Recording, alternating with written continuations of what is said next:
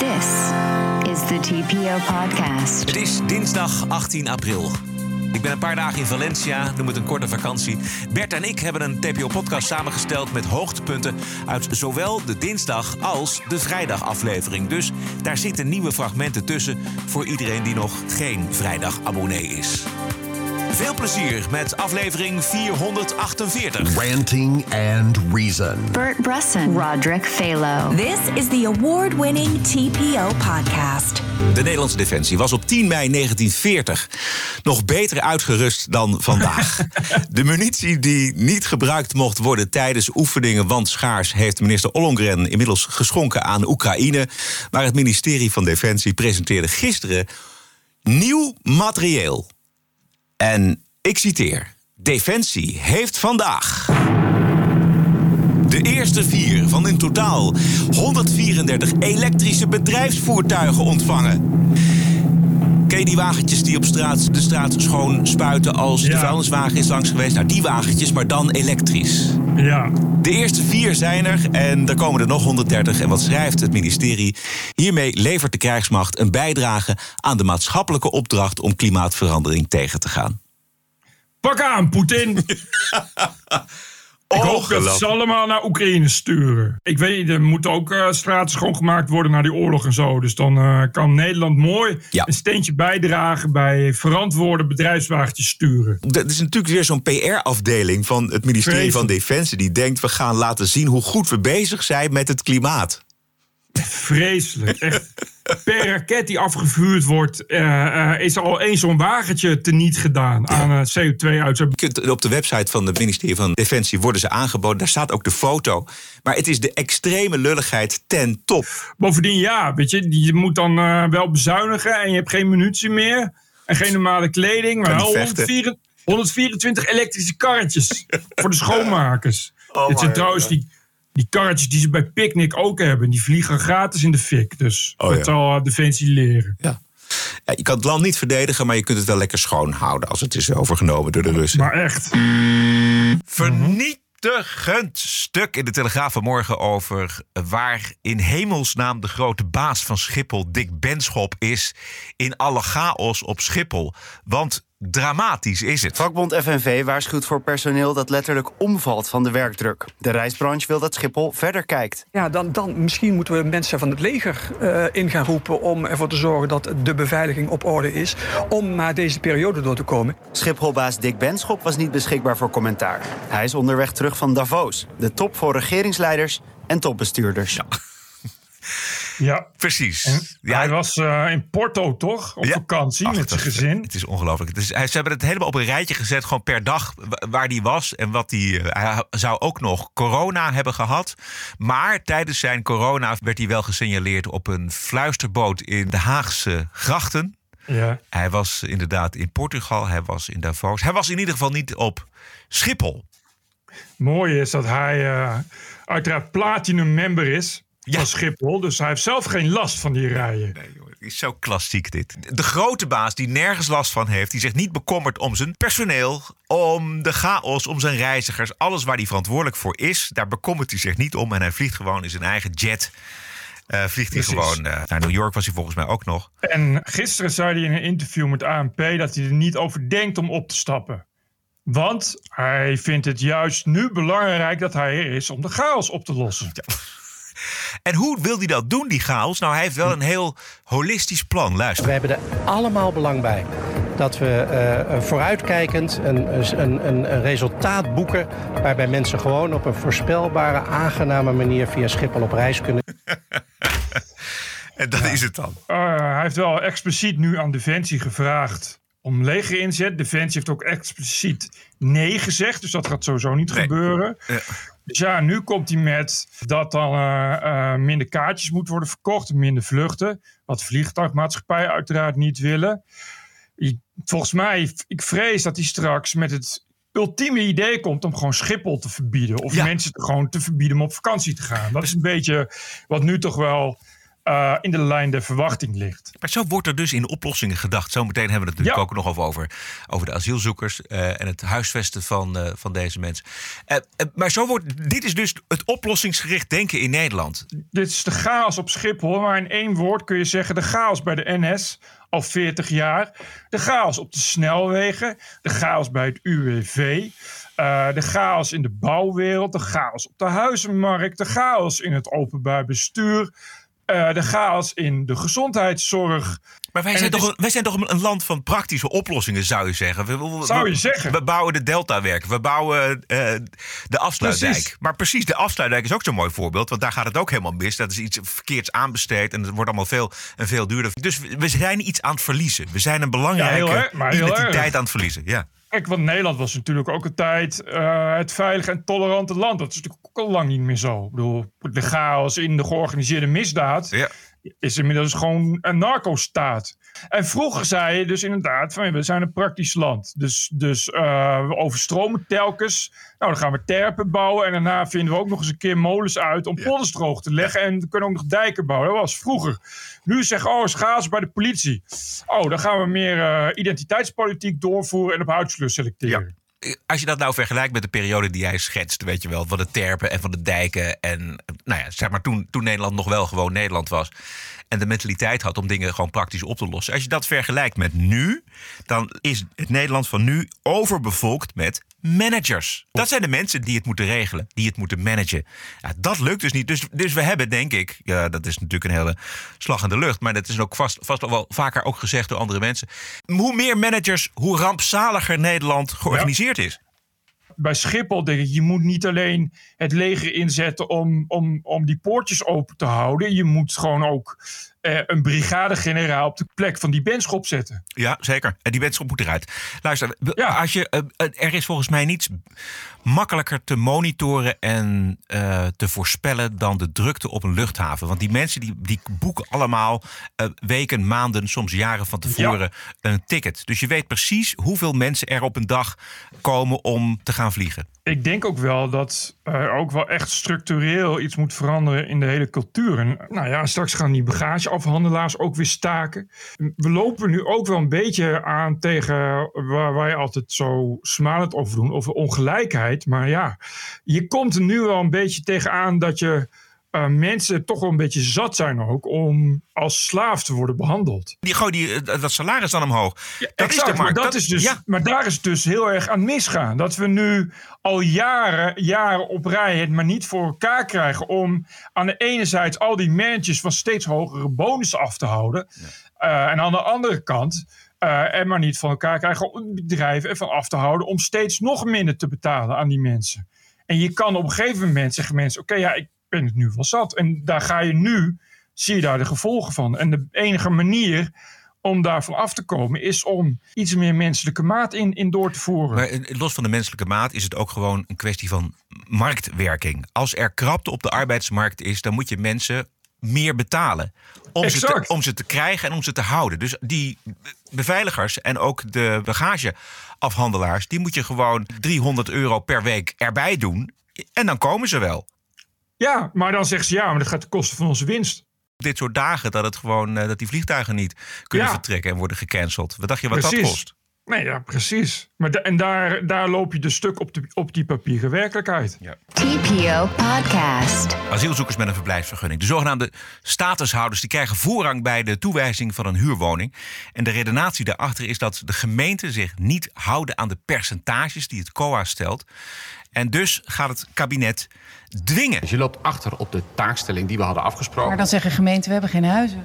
En toch zal het moeten. Eh, dus er komen huizen vrij. Eh, en eh, die huizen zullen dus inderdaad moeten worden toegewezen aan statushouders. Dat is op dit moment al de wettelijke verplichting zoals Maar dan zeggen gemeenten, we hebben ook andere mensen die voorrang hebben. Ja, en dat klopt. De gemeente, eh, laten we ook dat onderstrepen. Gemeenten werken ongelooflijk hard op dit moment om überhaupt aandachtsgroepen een plek te geven. Om Oekraïners te huisvesten.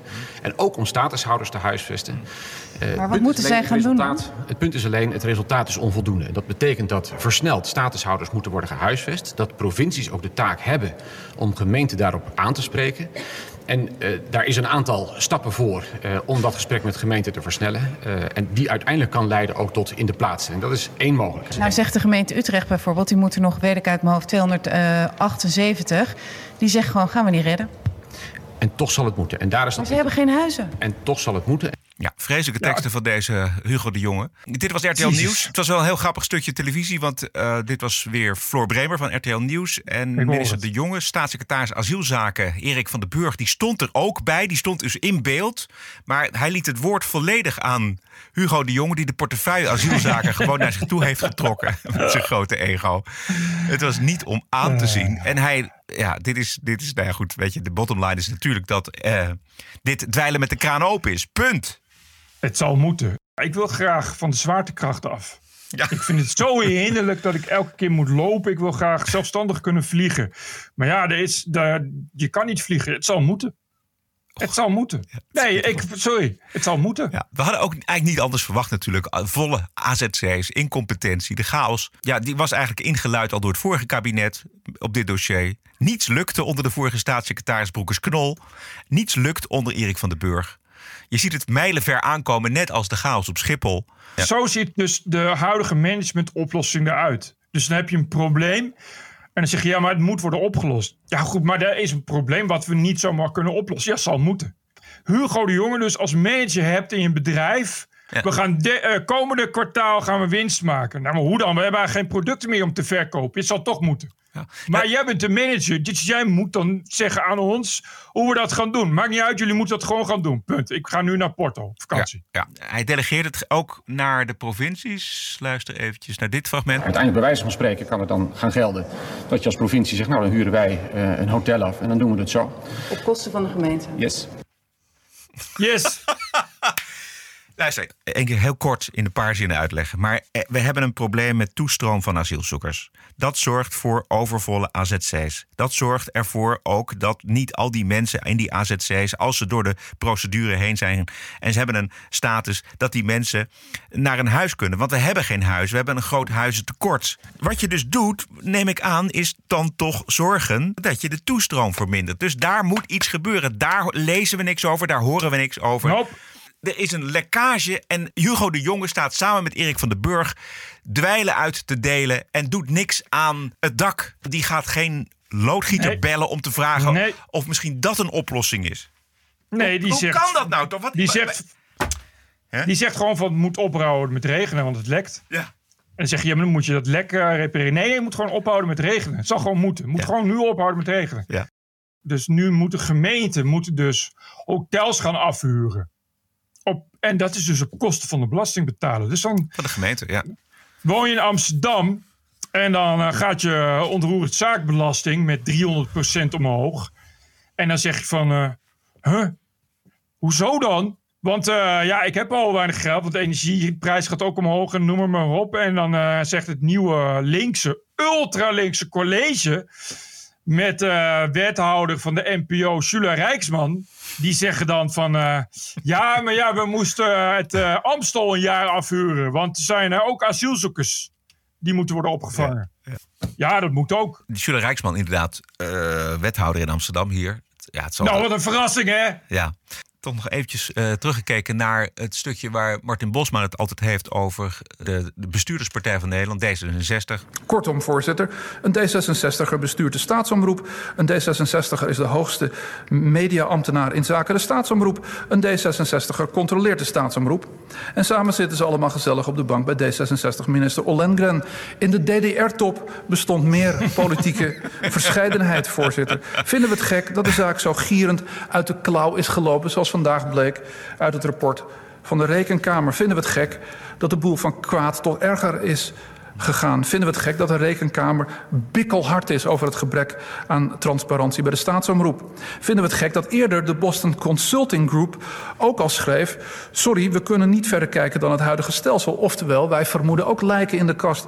Nee, dat vinden we niet gek hij roept dit nou al jaren. Ja. En, en hij heeft toch gelijk gekregen. Kijk, de, Rijksman die heeft altijd gezegd van ja...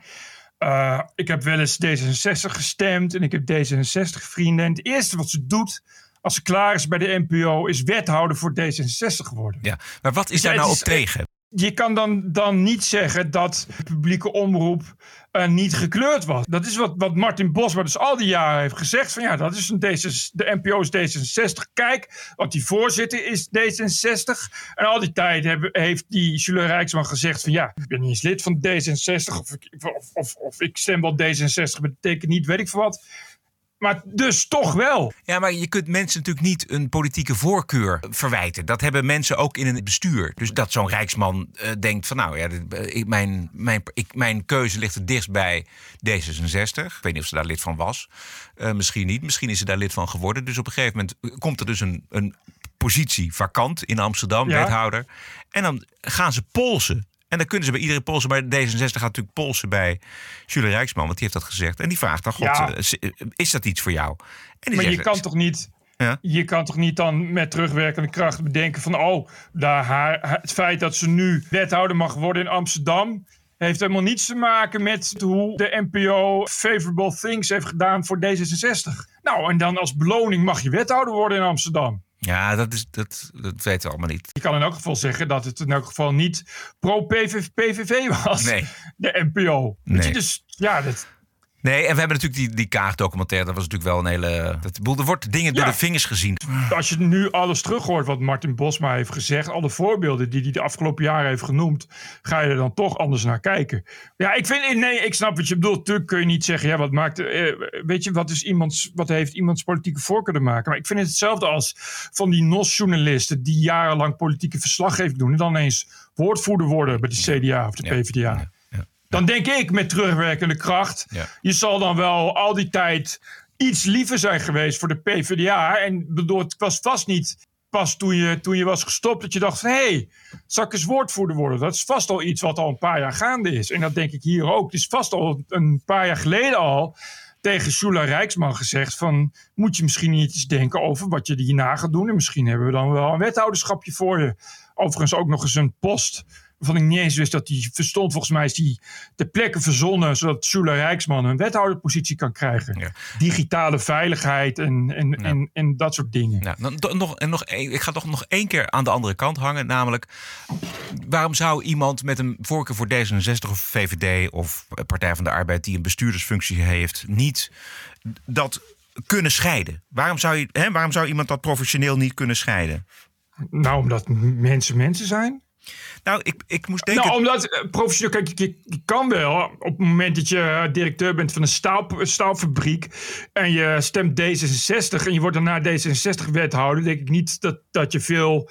je politieke invloed veel, veel uh, heeft, invloed heeft gehad op de staalfabriek. Maar dit is dus een NPO. Dit is dus het precies het punt waar het om gaat. En dat de kritiek al die tijd was... dat die NPO veel te D66 was. Echt vijf keer de Volkskrant.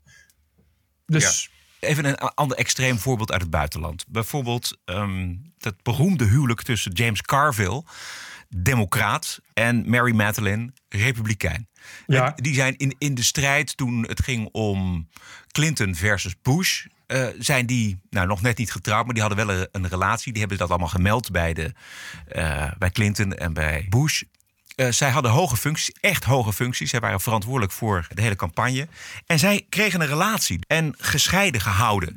Iets ander geval. Maar als Jules Rijksman een, een grote voorliefde voor D66 heeft... maar ze is de baas van alle omroepen... namelijk de hoogste positie bij de NPO...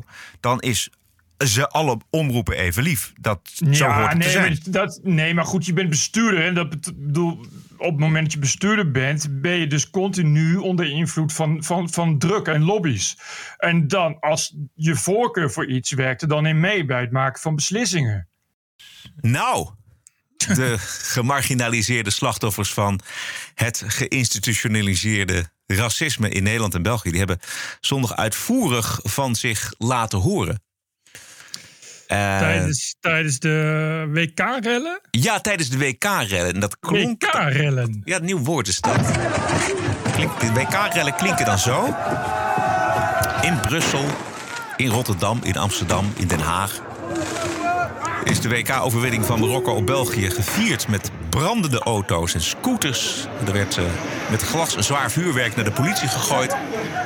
Relletjes, schreef de Volkskrant vanmorgen in een heel klein hoekje in de krant. Raddraaiers.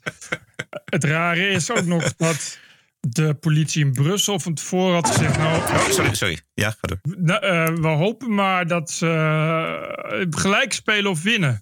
Anders krijgen we rellen. ja, dus als Marokko verliest, krijgen we rellen en brandende auto's. Als Marokko gelijk speelt, krijgen we rellen en brandende auto's. Als Marokko wint, krijgen we rellen en brandende auto's. Ja, ja. Je zou dan toch gaan denken dat het niet echt aan ligt aan of ze winnen of verliezen, maar in, laten we zeggen, een bepaalde opvoeding, een bepaald cultureel fenomeen, een bepaalde volksaard, een bepaald gedeelte van wat mag ik wel en wat mag ik niet op de openbare weg. En opvallend ook dat in Marrakesh en Tanger en al die andere plekken wordt er gewoon normaal feest gevierd. Ja. Terwijl in Brussel en Rotterdam en Den Haag en Amsterdam en Antwerpen en al die steden die eigenlijk al heel lang probleemgebieden heten, omdat er ook heel veel Marokkanen wonen, want dan hebben we het over het Marokkanenprobleem, wordt er niet feest gevierd, maar gereld. Ja, eh, je zou kunnen zeggen dat de volksaard daarmee afvalt, omdat ze inderdaad in Marokko zo erg gezellig eh, aan het vieren zijn. Maar dan is er iets anders, en dat is natuurlijk wel een interessante vraag als überhaupt sociologen en andere mensen die zich daar, die dat allemaal hebben gestudeerd, zich daar mee durven te bemoeien. Maar wat is er nou inderdaad logisch aan het feit dat als je gewonnen hebt, dat je dan ook nog eens een keer de straat in bezit neemt en auto's in de fik steekt en met de politie de veldslag aangaat? Ik begrijp dat niet. Nee, het zijn kennelijk, je hebt kennelijk Marokkanen en je hebt Marokkanen. Ik denk in elk geval dat de Marokkanen daar oh, een hele andere politie hebben dan hier. Ja, dat kunnen. scheelt ook al een hoop, denk ik. Ja, dat zou goed kunnen schelen. We hebben een aantal reportages, wat fra- fragmenten. In Antwerpen is er een journalist van een Belgische omroep, de VTM, belaagd live in de uitzending. En dat ging zo. We proberen ook live te gaan met collega Rob van Herk in eh, Borgerhout. Rob, het is daar blijkbaar nogal uit de hand aan het lopen. Ja, wat maak je daar allemaal mee? Heel wat zie ik daar. Ja, zoals je kan zien, Katrien, is de sfeer op dit moment nog eh, heel grimmig. Ehm, er wordt duidelijk wordt geslagen. En heel agressief. We krijgen, hier, eh, we krijgen hier kloppen terwijl we gewoon live in het nieuws aan het gaan zijn. Ik denk dat we beter hier even, hier even stoppen. Hier even stoppen. Ja, we ronden af, want het is daar absoluut niet veilig voor je, Rob. Dank je. Ja, het is niet te geloven, dit. Goh. Ja, eh, kennelijk we hebben de Belgen die eh, willen alsnog niet vertellen wat het precies zijn. Daar heb je ook vast een fragment van. Zeker. Eh, want ja, het is toch echt kolderiek aan het worden hoe zelfs in dit soort taferelen waar je dus gewoon niet meer als journalist je werk kan doen.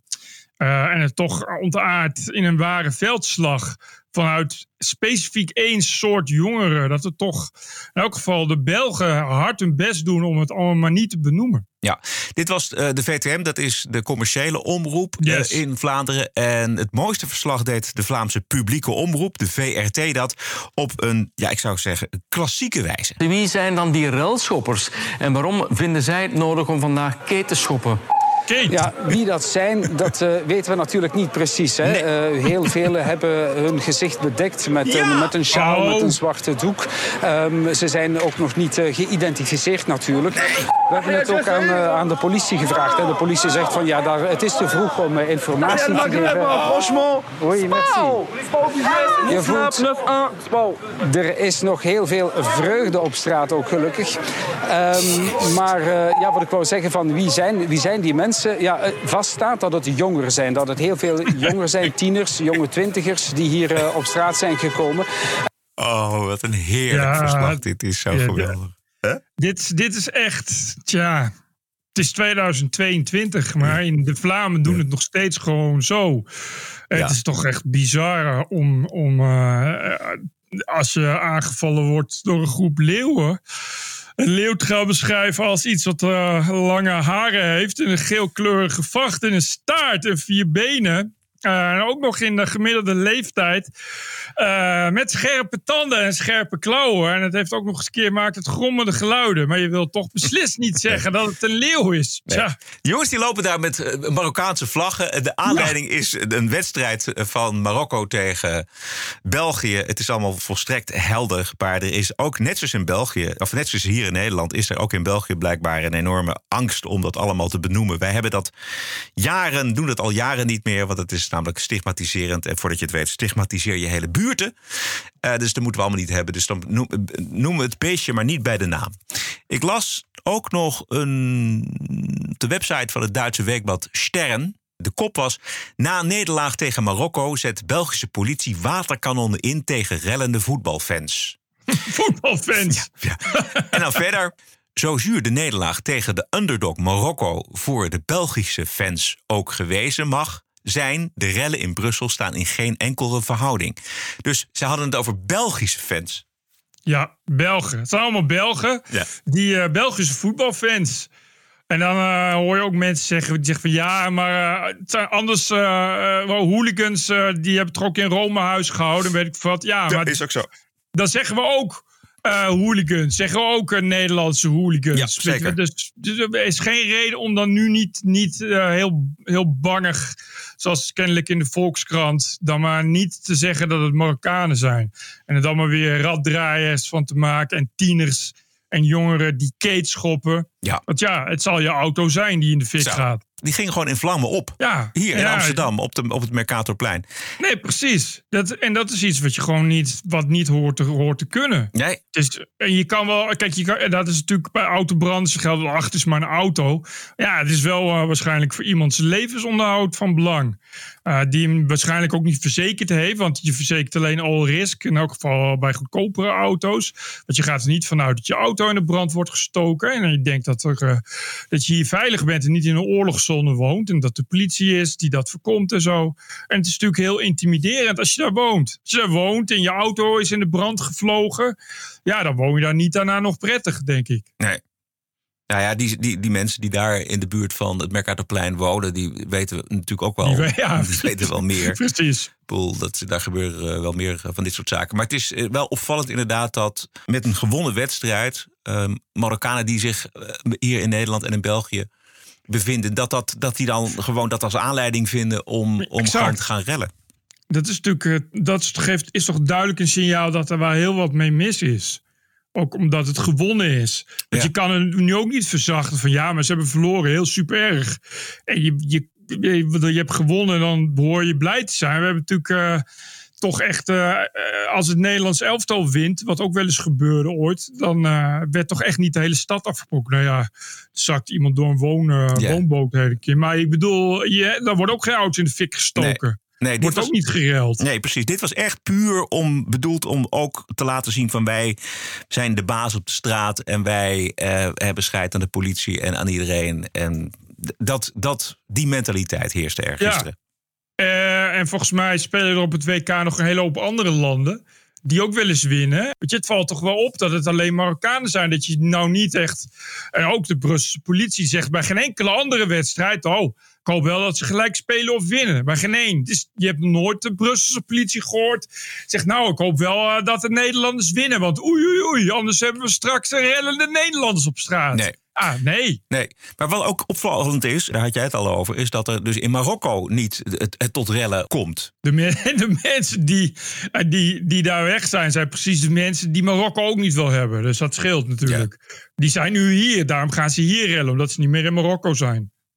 Ten eerste. En ten tweede denk ik ook niet echt dat je daar makkelijk kunt gaan rellen.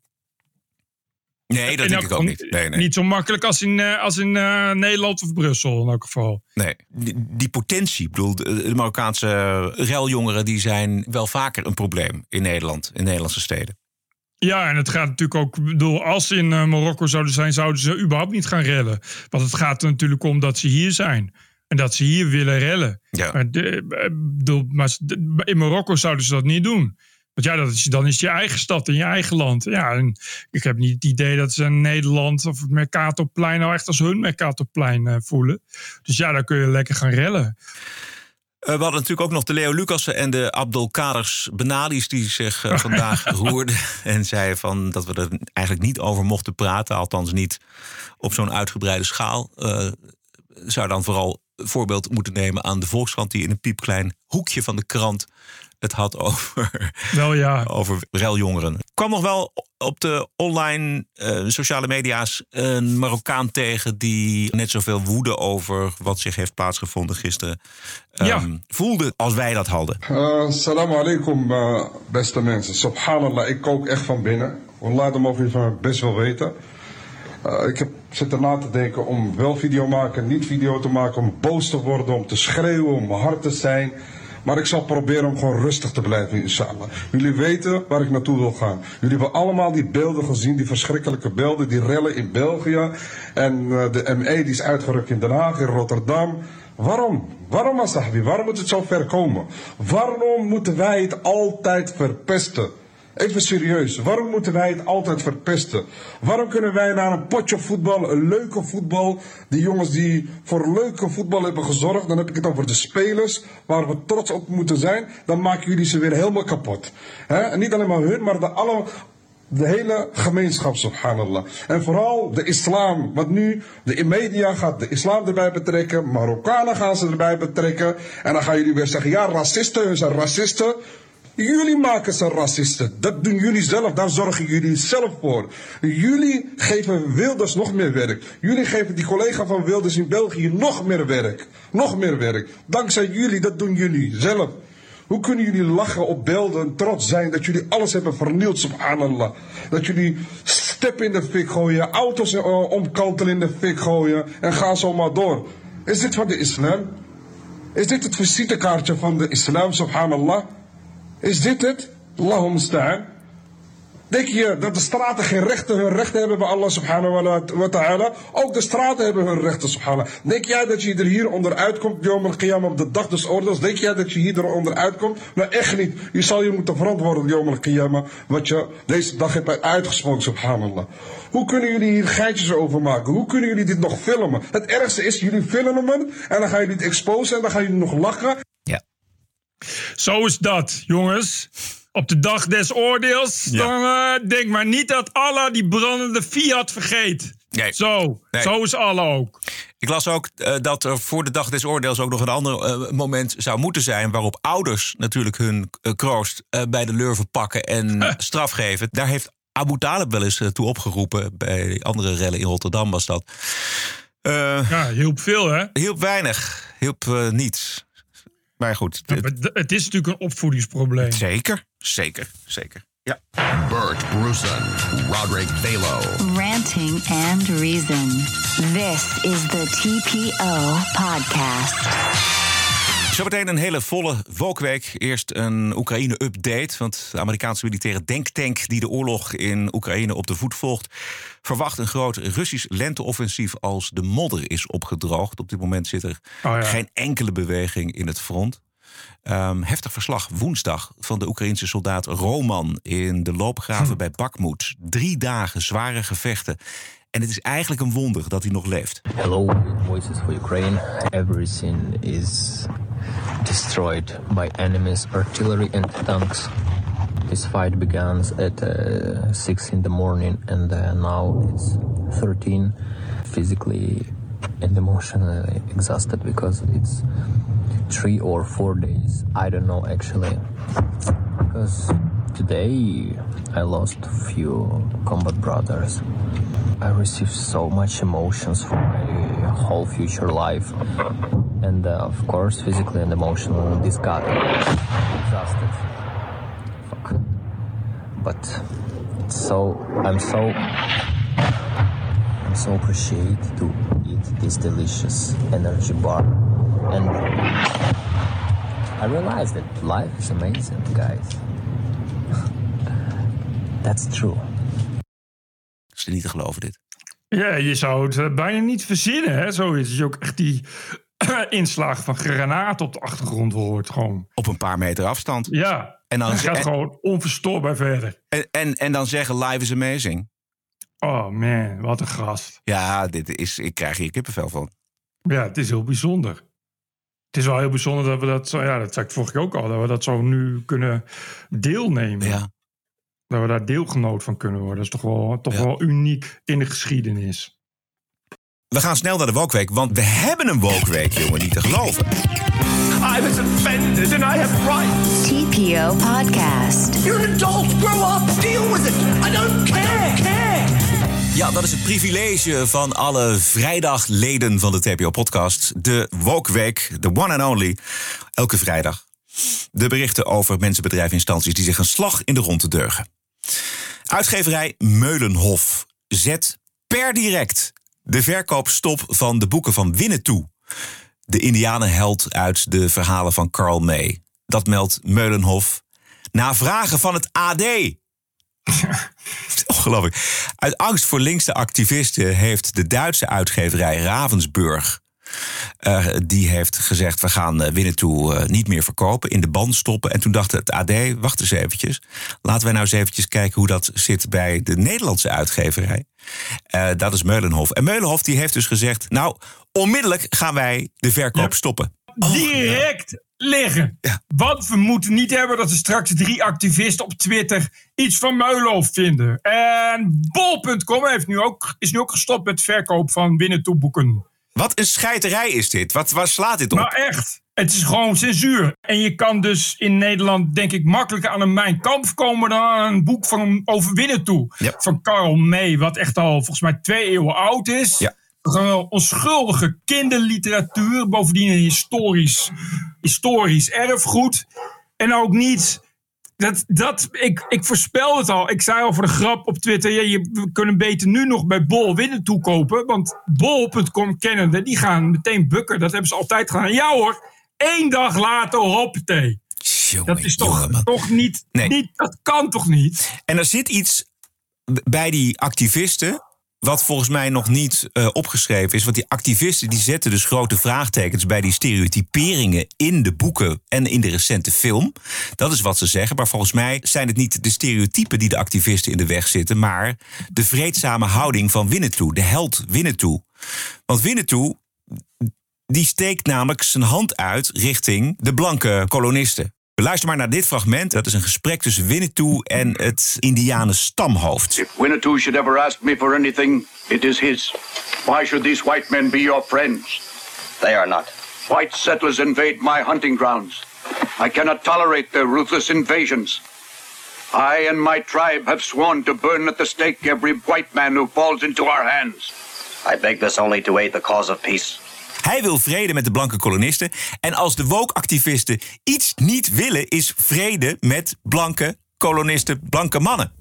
Nee, die moeten gewoon een tomahawk in hun voorhoofd krijgen. Precies, ja. Dus ze zeggen van, we, we hebben bezwaar tegen de stereotyperingen.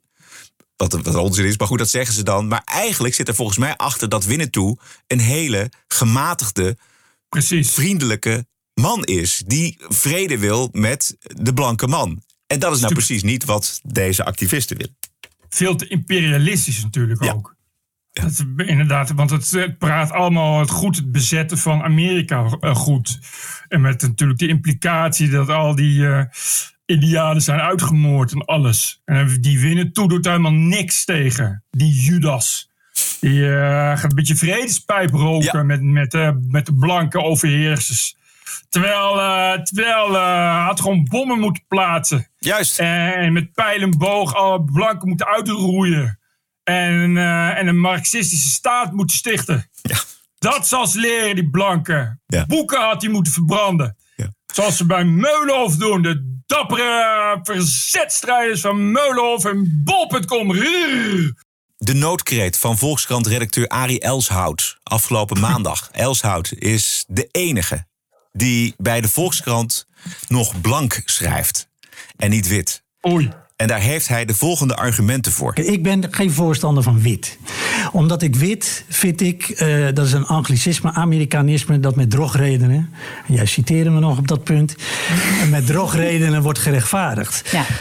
Want er wordt er vaak gezegd, eh, wit, ja, als je blank zegt, dat veronderstelt een bepaald soort zuiverheid, een bepaald soort superioriteit. En dat willen we niet meer. Maar dan denk ik, ja, dan zoek ik wit op in Van Dalen. En wit is de kleur der onschuld. En dat heeft om, eh, eigenlijk eenzelfde soort connotatie. Daar plaats je je ook mee boven de anderen. Dat, er in ieder geval geen dat je in ieder geval tot de onschuldige behoort. Dan denk ik van, ja, waarom zou je de blank niet kunnen handhaven? Blank heb ik het in mijn geval over Ja. mezelf. Waarom zou ik mezelf geen blank kunnen noemen? En toen, maar ik gebruikte dat en toen stuurde ik naar de redactie het mailtje van... jongens, niet blank in wit veranderen. Ik vind bovendien ook spuuglelijk... alsof mensen door een bus met eh talkpoeder zijn heen gehaald. het is, ik heb er een heel raar beeld bij iedere keer. Als ik, ik lees het heel letterlijk. Maar blank is En- natuurlijk ook niet echt de kleur van onze huid. Maar dat is in ieder geval volgens mij iets meer gerechtvaardigd dan, dan, dan, dan wit. Want dat, dat zijn we eigenlijk nooit helemaal. Maar goed, en toen kreeg ik toch wel op een gegeven moment een chef van een redactie aan de lijn met zijn adjudanten. Van ja, Arie, wil je niet eh, toch wit schrijven? Ik zeg, ja, nee, ik heb daar redenen voor om dat niet te doen. Bovendien was het nog onder de tijd van Philippe. En die, zei, die had daar geen keuze in gemaakt. Ik weet niet, volgens mij is het nog steeds zo dat je nog steeds zelf mag bepalen wat je doet. Als columnist wel, als verslaggever moet je gewoon toch wit Ja, gebruiken. nou, daar ben ik eh, tegen. Want ik, vind het, eh, ik heb geen zin om iets wat op drogredenen gebaseerd is, om dat, om dat over te nemen. Daar verzet ik me dat Ja. tegen. Daar ben ik heel eigenwijs in. Alleen ben ik dan van de school, eh, waarom zou je het niet doen? Er is nou- het is nou eenmaal zo dat er, eh, wat we eeuwenlang van onderdrukking achter de rug hebben. En er is een bevolkingsgroep die eist terecht zijn recht en zijn vrijheid op. Nou, die vindt het fijn dat we in het vervolg op deze manier erover praten. En denk, dan doen we dat toch gewoon. Is dat zo? Ja, dit was eh, Pieter Klok, hoofdredacteur Volkskrant. Zo staat jongen. Arie Elshout. Dit hebben we een keer eerder, fragmentje hebben we eerder eh, laten horen. Want dit was uit de Kamer van Klok, een podcast van de Volkskrant. Maar hij, ik vind dat hij het hier heel goed eh, be- beargumenteert. En daar kun je het dan niet mee eens zijn. Maar geef hem in ieder geval de vrijheid. Dat was natuurlijk ook zijn, zijn vraag in, in dat commentaar in de Volkskrant. Geef mij de vrijheid om de woorden te gebruiken die ik graag wil gebruiken.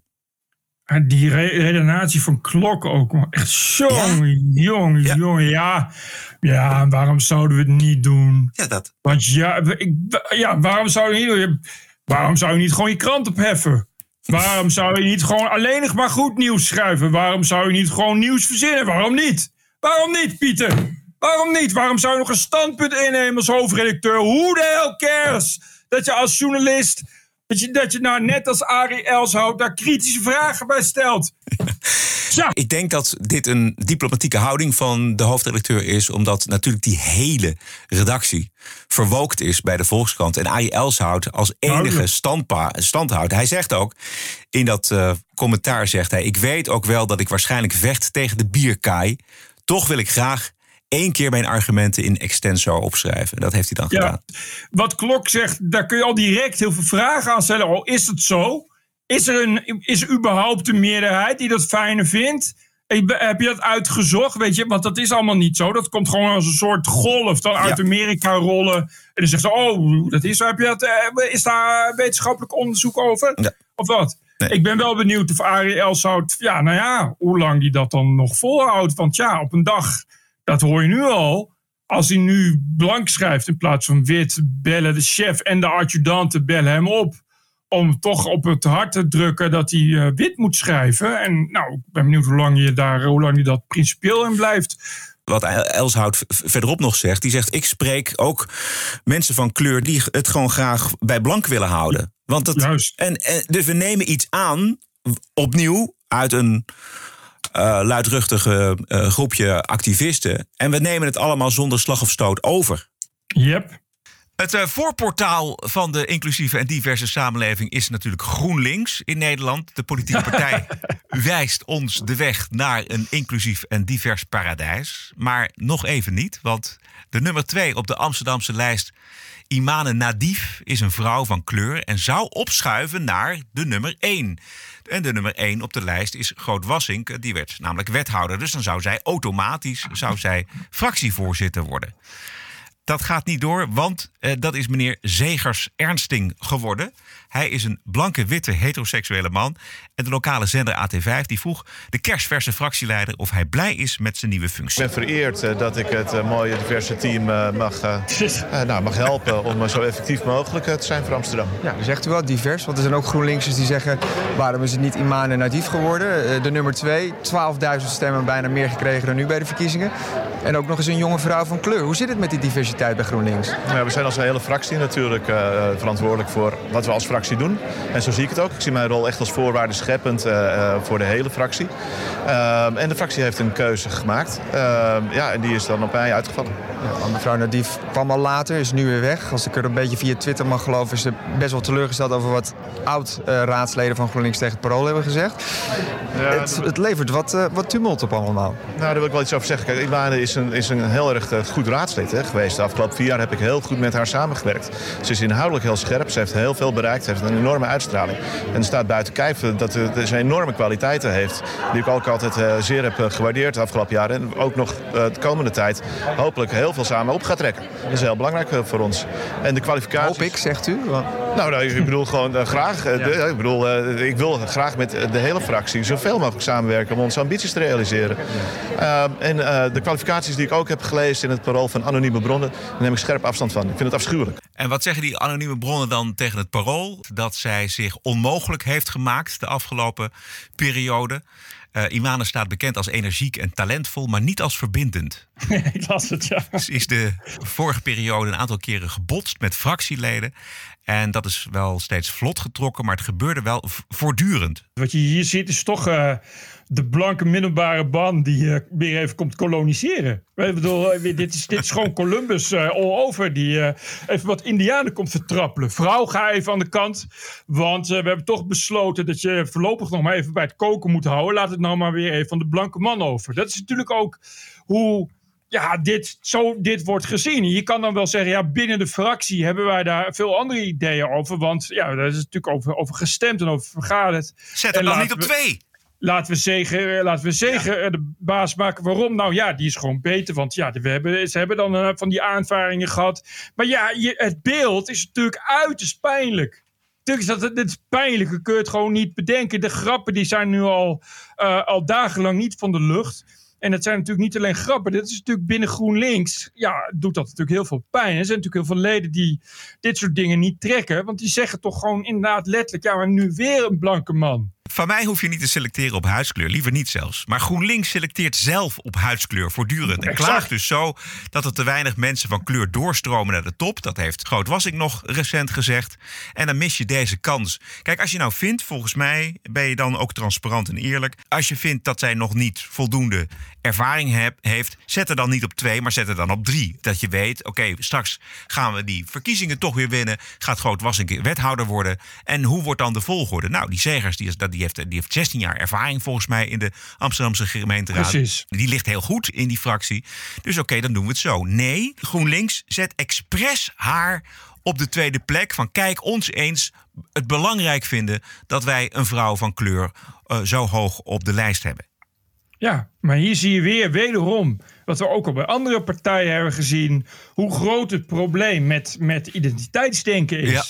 Je, kan dan, je kan niet eh, dat en willen en eh, in- in de praktijk maken. Als je dat wil, moet je dat ook doen. Maar dat betekent dat je, dat je, dat je dus iemand voorop moet zetten waar je eigenlijk winde vertrouwen in hebt. Dat zal dan wel, maar dan moet je dat ook doen. Je kan niet, je kan niet het ene willen en het andere doen. Dit is typisch GroenLinks. Dit is typisch wat iedereen GroenLinks verwijt. Wel naar anderen kijken.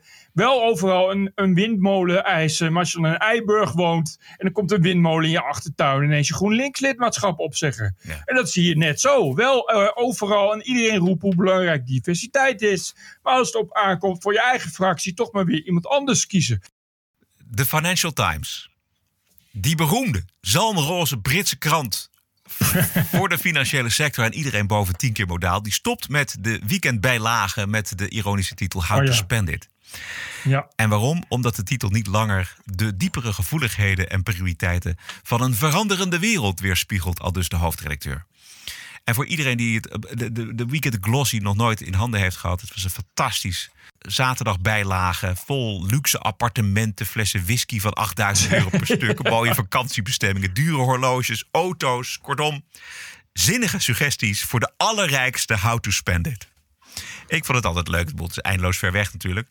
Uh, niet voor ons, maar ik vond het gewoon leuk om te kijken.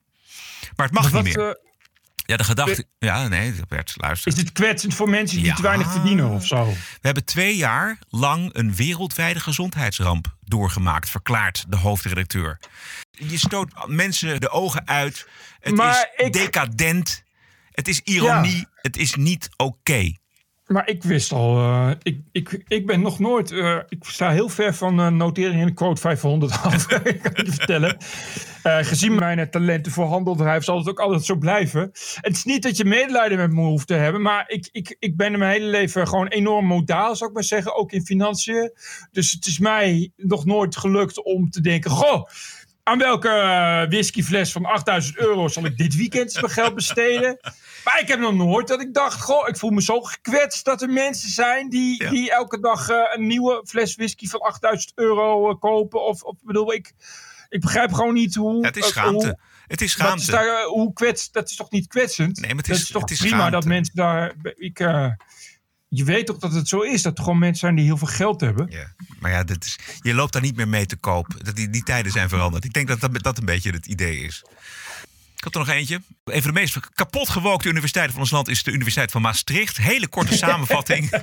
Wat een onschuldig artikeltje in een universiteitsblad had moeten zijn over het gratis maatverband voor vrouwen. Dat werd een hel. Want de groep studenten die eiste dat er zou staan voor alle mensen die menstrueren. Dat weigerde het studentenblad en er kwam een, een, een DDoS-aanval, een bedreiging, et cetera. Het hele wapenarsenaal is uit de kast gehaald. Allemaal bedoeld om eh, te zorgen dat iedereen zich veilig en welkom voelt op de universiteit. Groot stuk in de Telegraaf eh, afgelopen week. En het laatste, het allerlaatste was toch wel echt dat zover zijn we dus. Ik zal het even voorlezen. Feminist of Maastricht, dat is zeg maar de actiegroep. Het is tijd dat de academici naar zichzelf kijken en inzien dat taal niet verheven boven alles is, maar mee verandert met de tijd. Dat is geen kwestie van wel of niet willen, maar een kwestie van waardigheid en menselijkheid. Ja. Dus vrouw zeggen in plaats van iemand met een baarmoeder is Onmenselijk. onmenselijk en onwaardig. En dat vinden dus drie hysterische meisjes met een borderline syndroom die in Maastricht studeren. En die zijn daar nu al, ik weet niet hoe lang, onophoudelijk mensen over aan het terroriseren. En dat heeft zover geleid dat er, nou ja, dus echt computervredebreuk. Het is een DDoS, dat doe je niet zomaar. Dan moet je echt iemand voor inhuren. Eh, en dat is, het is een criminele daad. Daarvan hebben ze gezegd: nee, dat waren wij niet, maar we staan er wel achter. Ik noem dat zelf medeplichtigheid. Ja, dat gaat gewoon te ver. Ik vind gewoon dat dat moet stoppen. En ik vind ook dat het misschien een goed moment is om voor universiteitsbesturen om daar nog eens een keer iets zinnigs over te zeggen. En te zeggen van eh, het is allemaal leuk en aardig. Al die onzin die overwaait uit Amerika. Het is allemaal leuk en aardig. Die 10% snowflakes op de universiteit. Maar er zit wel een grens aan. Er is nu ook een hoogleraar, begrijp ik, die zich daar wel over roert. En dat ook een beetje zat is. Het zou mooi zijn als meer hoogleraren zich daarover gaan roeren. Omdat die het ook een beetje zat zijn. En verder eh, drie keer hoera. Misschien kun je die Russische hoera nog even inzetten zo meteen. Voor de hoofdredactie van het studentenblad... die tot nu toe gewoon niet bukken en buigen. Juist. En daarom hebben we er meer van nodig. Hmm. Heel veel meer. Dat vind ik dus ook. Want ze worden dus echt geterroriseerd. Want het was niet alleen de DDoS. eh er werden ook, eh, nou, zoals het gaat, posters opgehangen met dat het een, een transfoob blad is en een transfobe universiteit. Je kent het wel. Gewoon de typische terreur op Twitter, via e-mail, doodsbedreigingen, intimidaties, lastig, alles shit. What a woke week it was. This is the TPO podcast. We hebben het dinsdag gehad over die eh, prachtige snijtafelaflevering eh, De meeste mensen deugen van Rutger Brechtman. Het zijn elf afleveringen. Ik zou zeggen, vooral ga ze zien. We hebben dinsdag het voorwoord laten horen waar het bij zin 1 al meteen misging. Het boek is niet alleen vervalsend dik uitgevallen. Het zit ook vooral vol met inconsistenties, citaten uit zijn verband gerukt en uh, goedkope, niet onderbouwde aannames. En Casper Jansen en docent Simon Burgers die ontleden uh, dat minutieus en genadeloos. En we hebben uh, dinsdag al geconstateerd dat Brechtman een dominee, een zendeling, de plaatsvervanger van Jezus zelf is. Een paar fragmenten uit hun behandeling van de epiloog, het nawoord. En dat formuleert Brechtman als de tien geboden. 1. Bij twijfel, ga uit van het goede. Behoorlijk riskant. Er zijn zeker gevallen waarbij je bij twijfel beter uit kan gaan van het goede. Maar er zijn ook gevallen, David Hume indachtig, waarbij je beter uit kan gaan van het slechte. Tuurlijk. Omdat het minder schadelijk is om het dan mis te hebben... Ja. dan wanneer je ten onrechte bent uitgegaan van het goede. Ja. Als ik naar de stad ga, zet ik wel mijn fiets op slot. Ja. Eh, terwijl ik denk dat de meeste mensen geen fietsendief zijn, maar er zou wel eentje voorbij kunnen lopen. En die twijfel maakt dat ik dan toch eventjes die handeling uitvoer. En als je die fiets ten onrechte op slot hebt gezet... dan ben je je fiets niet kwijt daarna. Wel als je hem ten onrechte niet op slot zet. Ja. Vrij bazaal eigenlijk, hè? En dan zegt Brechtman ook... Je kunt maar beter incalculeren dat je af en toe wordt opgelicht. Nou, liever niet. Als ik dat Ja. op een simpele manier kan voorkomen, dan eh, zorg ik daarvoor dat ik niet word opgelicht. In dat college dat hij geeft, maakt hij nog bonter. Dan eh, vraagt hij aan de mensen in de zaal van... wie is er hier nog nooit opgelicht? Zijn er mensen die nog nooit zijn opgelicht? Ja, zeg het maar eerlijk. Ja, ik zie er een paar. Ja, oh, best wel veel. Ja, daar schrik ik van. Moet je misschien toch eens afvragen van wat er mis is. Of je wel genoeg, met genoeg vertrouwen in het leven staat. Misschien een bezoekje aan de psycholoog. Want- Nee, dan sta je misschien niet eh, echt open naar andere mensen. Ik- Allemaal met een glimlach natuurlijk. Dus ja, hij kan altijd nog zeggen, dat was humor. Maar het staat hier eigenlijk ook. En wat als je opgelicht wordt voor al je spaargeld? Het is telkens eh, een fragment van een paar seconden en dan weet je al, al genoeg. En dan ga ik, weet je dat er nog twee uur lang of, of meerdere uren lang. En het is gewoon, het is zo erg dat het gewoon bijna niet te doen is. Nee. En dat vind ik het allerergst, omdat ik, eh, als je inderdaad al Rutger Bregman hoort spreken, hij spreekt ook als een diaken. Ik weet niet of iedereen weet wat het is, een diaken. Een diaken is iemand die in de kerk eh, bijvoorbeeld de collectezakken laat rondgaan. En eh, dat zijn mensen die. Dat zijn dus degenen die contact houden tussen mensen en de kerk, zal ik maar zeggen. Het zijn meestal hele rechtschapen types. Die zien meestal uit als Rutger Bregman en die praten als Rutger Bregman. Dus, dus voor een eh, verstokte oud-christen als ik is het al erg. En het is meestal ook zo'n zijig toontje. En, eh, maar de dingen die hij zegt zijn echt... Ah, wat... Hey, kijk, weet je, als, eh. Ga, eh, ga, Ga uit van het goede. En de- Totale onzin. Nee, maar dit is toch zo schandalig dat iemand dat eh, gewoon roept. En dat, en dat die eigenlijk ook in zo'n zaal de mensen veroordeelt die nog nooit zijn opgelicht. Die, die verwijt die een soort achterdocht eh, die slecht is voor de wereld. Die, die, die, die ik krijgen een standje. opgelicht worden. Het verschrikkelijk soort mensen. En dat is, is nou ja, eh, eh, ieder, eh, ieder zijn eigen recht. Maar het feit dat er zoveel honderdduizenden mensen dat boek eh, bijna als een soort, soort Bijbel. missie, als Ja. een soort bijbel lezen, vind ik echt. Ja, dat vreselijk. Dat Maar- vind ik dan weer, eh, vind ik dan weer ga uit van het slechte, ah, zou ik maar zeggen. Ik geloof ook nooit dat Rutger Bregman zelf zo leeft. Bedoel, die gaat ook niet gewoon met zijn geld, eh, zijn portemonnee op, op, op straat laten Nee, staan, liggen of, of in, op een café en dan weglopen. Dat doet hij echt niet. Maar hij, hij doseert het wel aan anderen. Hij predikt het wel aan anderen. Hoe dramatisch die kletspraat van die Bregman is, dat blijkt ook uit het volgende fragment. Waarin hij stelt dat het goede herkenbaar is aan eh, of het lekker is en of wij het plezierig vinden. Het mooie is nu juist dat we in een wereld leven waar het goede ook goed voelt. Eten vinden we lekker omdat we zonder eten doodgaan. Seks vinden we lekker omdat we zonder seks uitsterven. Helpen vinden we lekker omdat we zonder elkaar verpieteren. Het goede voelt zo vaak goed omdat het ook goed is. Oh, meneer Brechtman. Kunt u nou niet een klein beetje nadenken en niet alles versimpelen? Het is natuurlijk niet zo dat ik altijd maar zoveel mogelijk seks kan proberen te hebben. Dat dat altijd alleen maar goed is voor iedereen. Ja.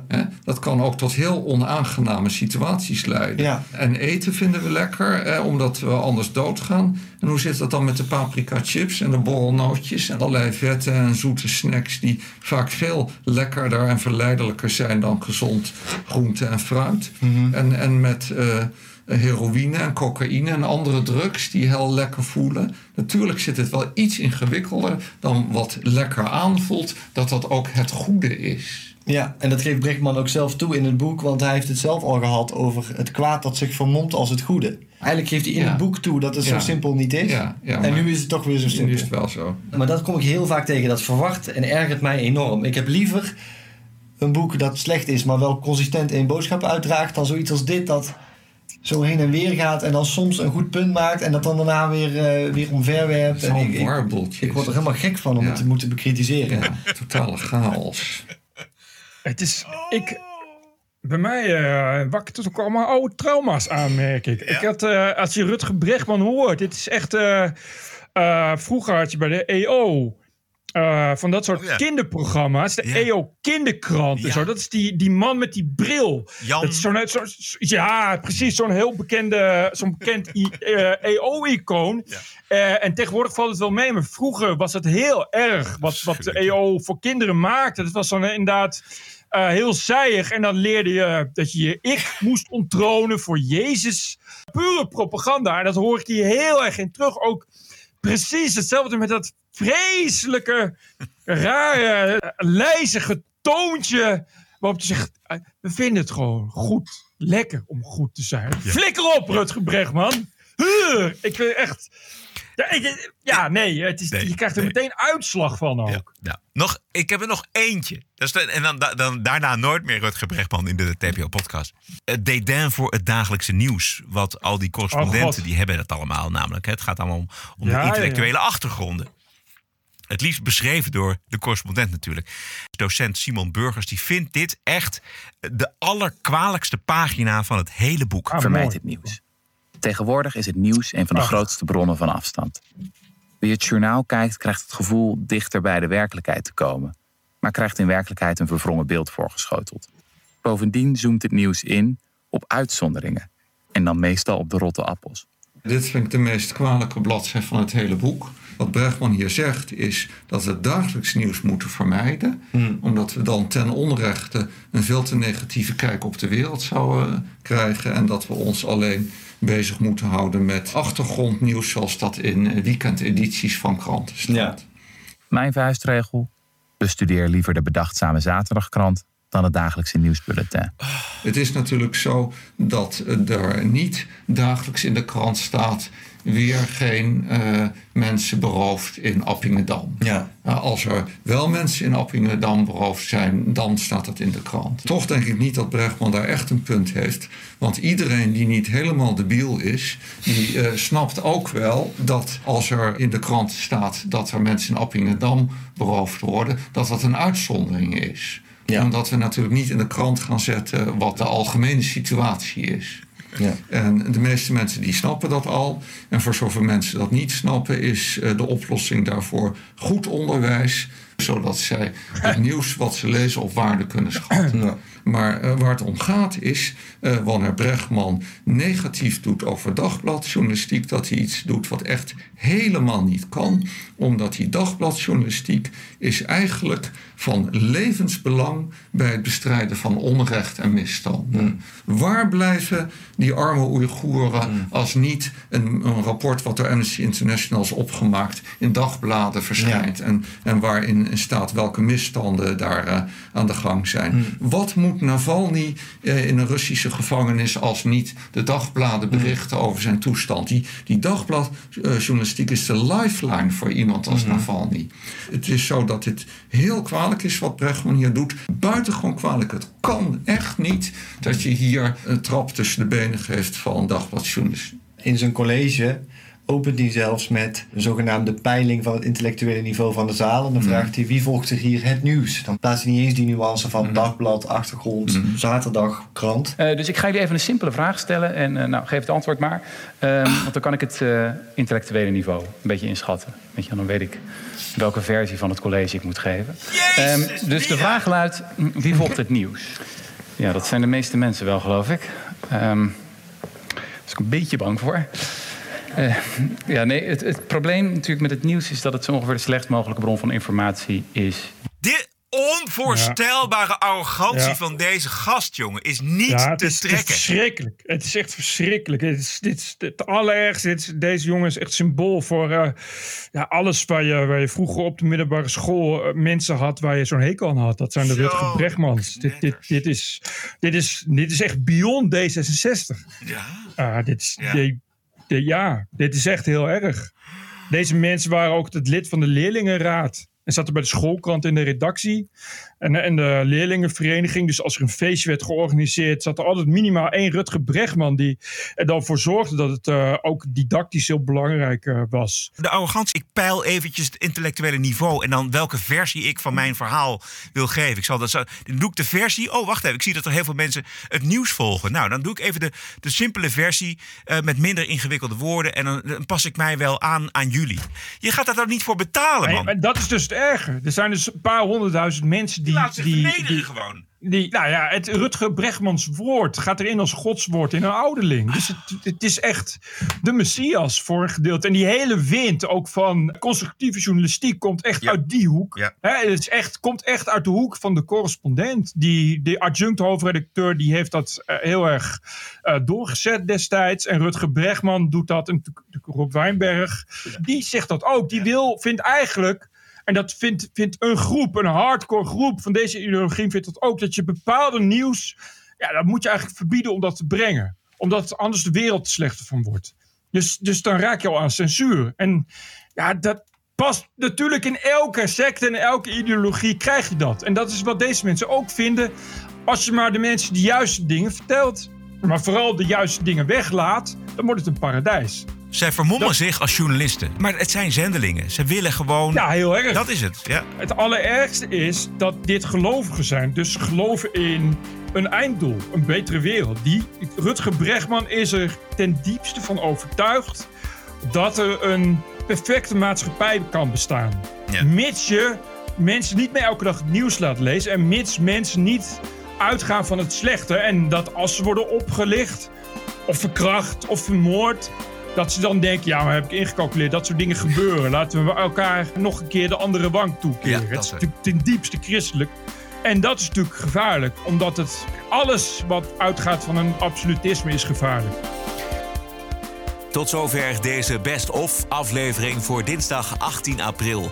We zijn aanstaande vrijdag terug met een normale vrijdagshow. Een abonnement is maar 4 euro per maand en daarmee steun je onze noesle arbeid en inzet om iets anders te laten horen dan wat je de hele week al hoort.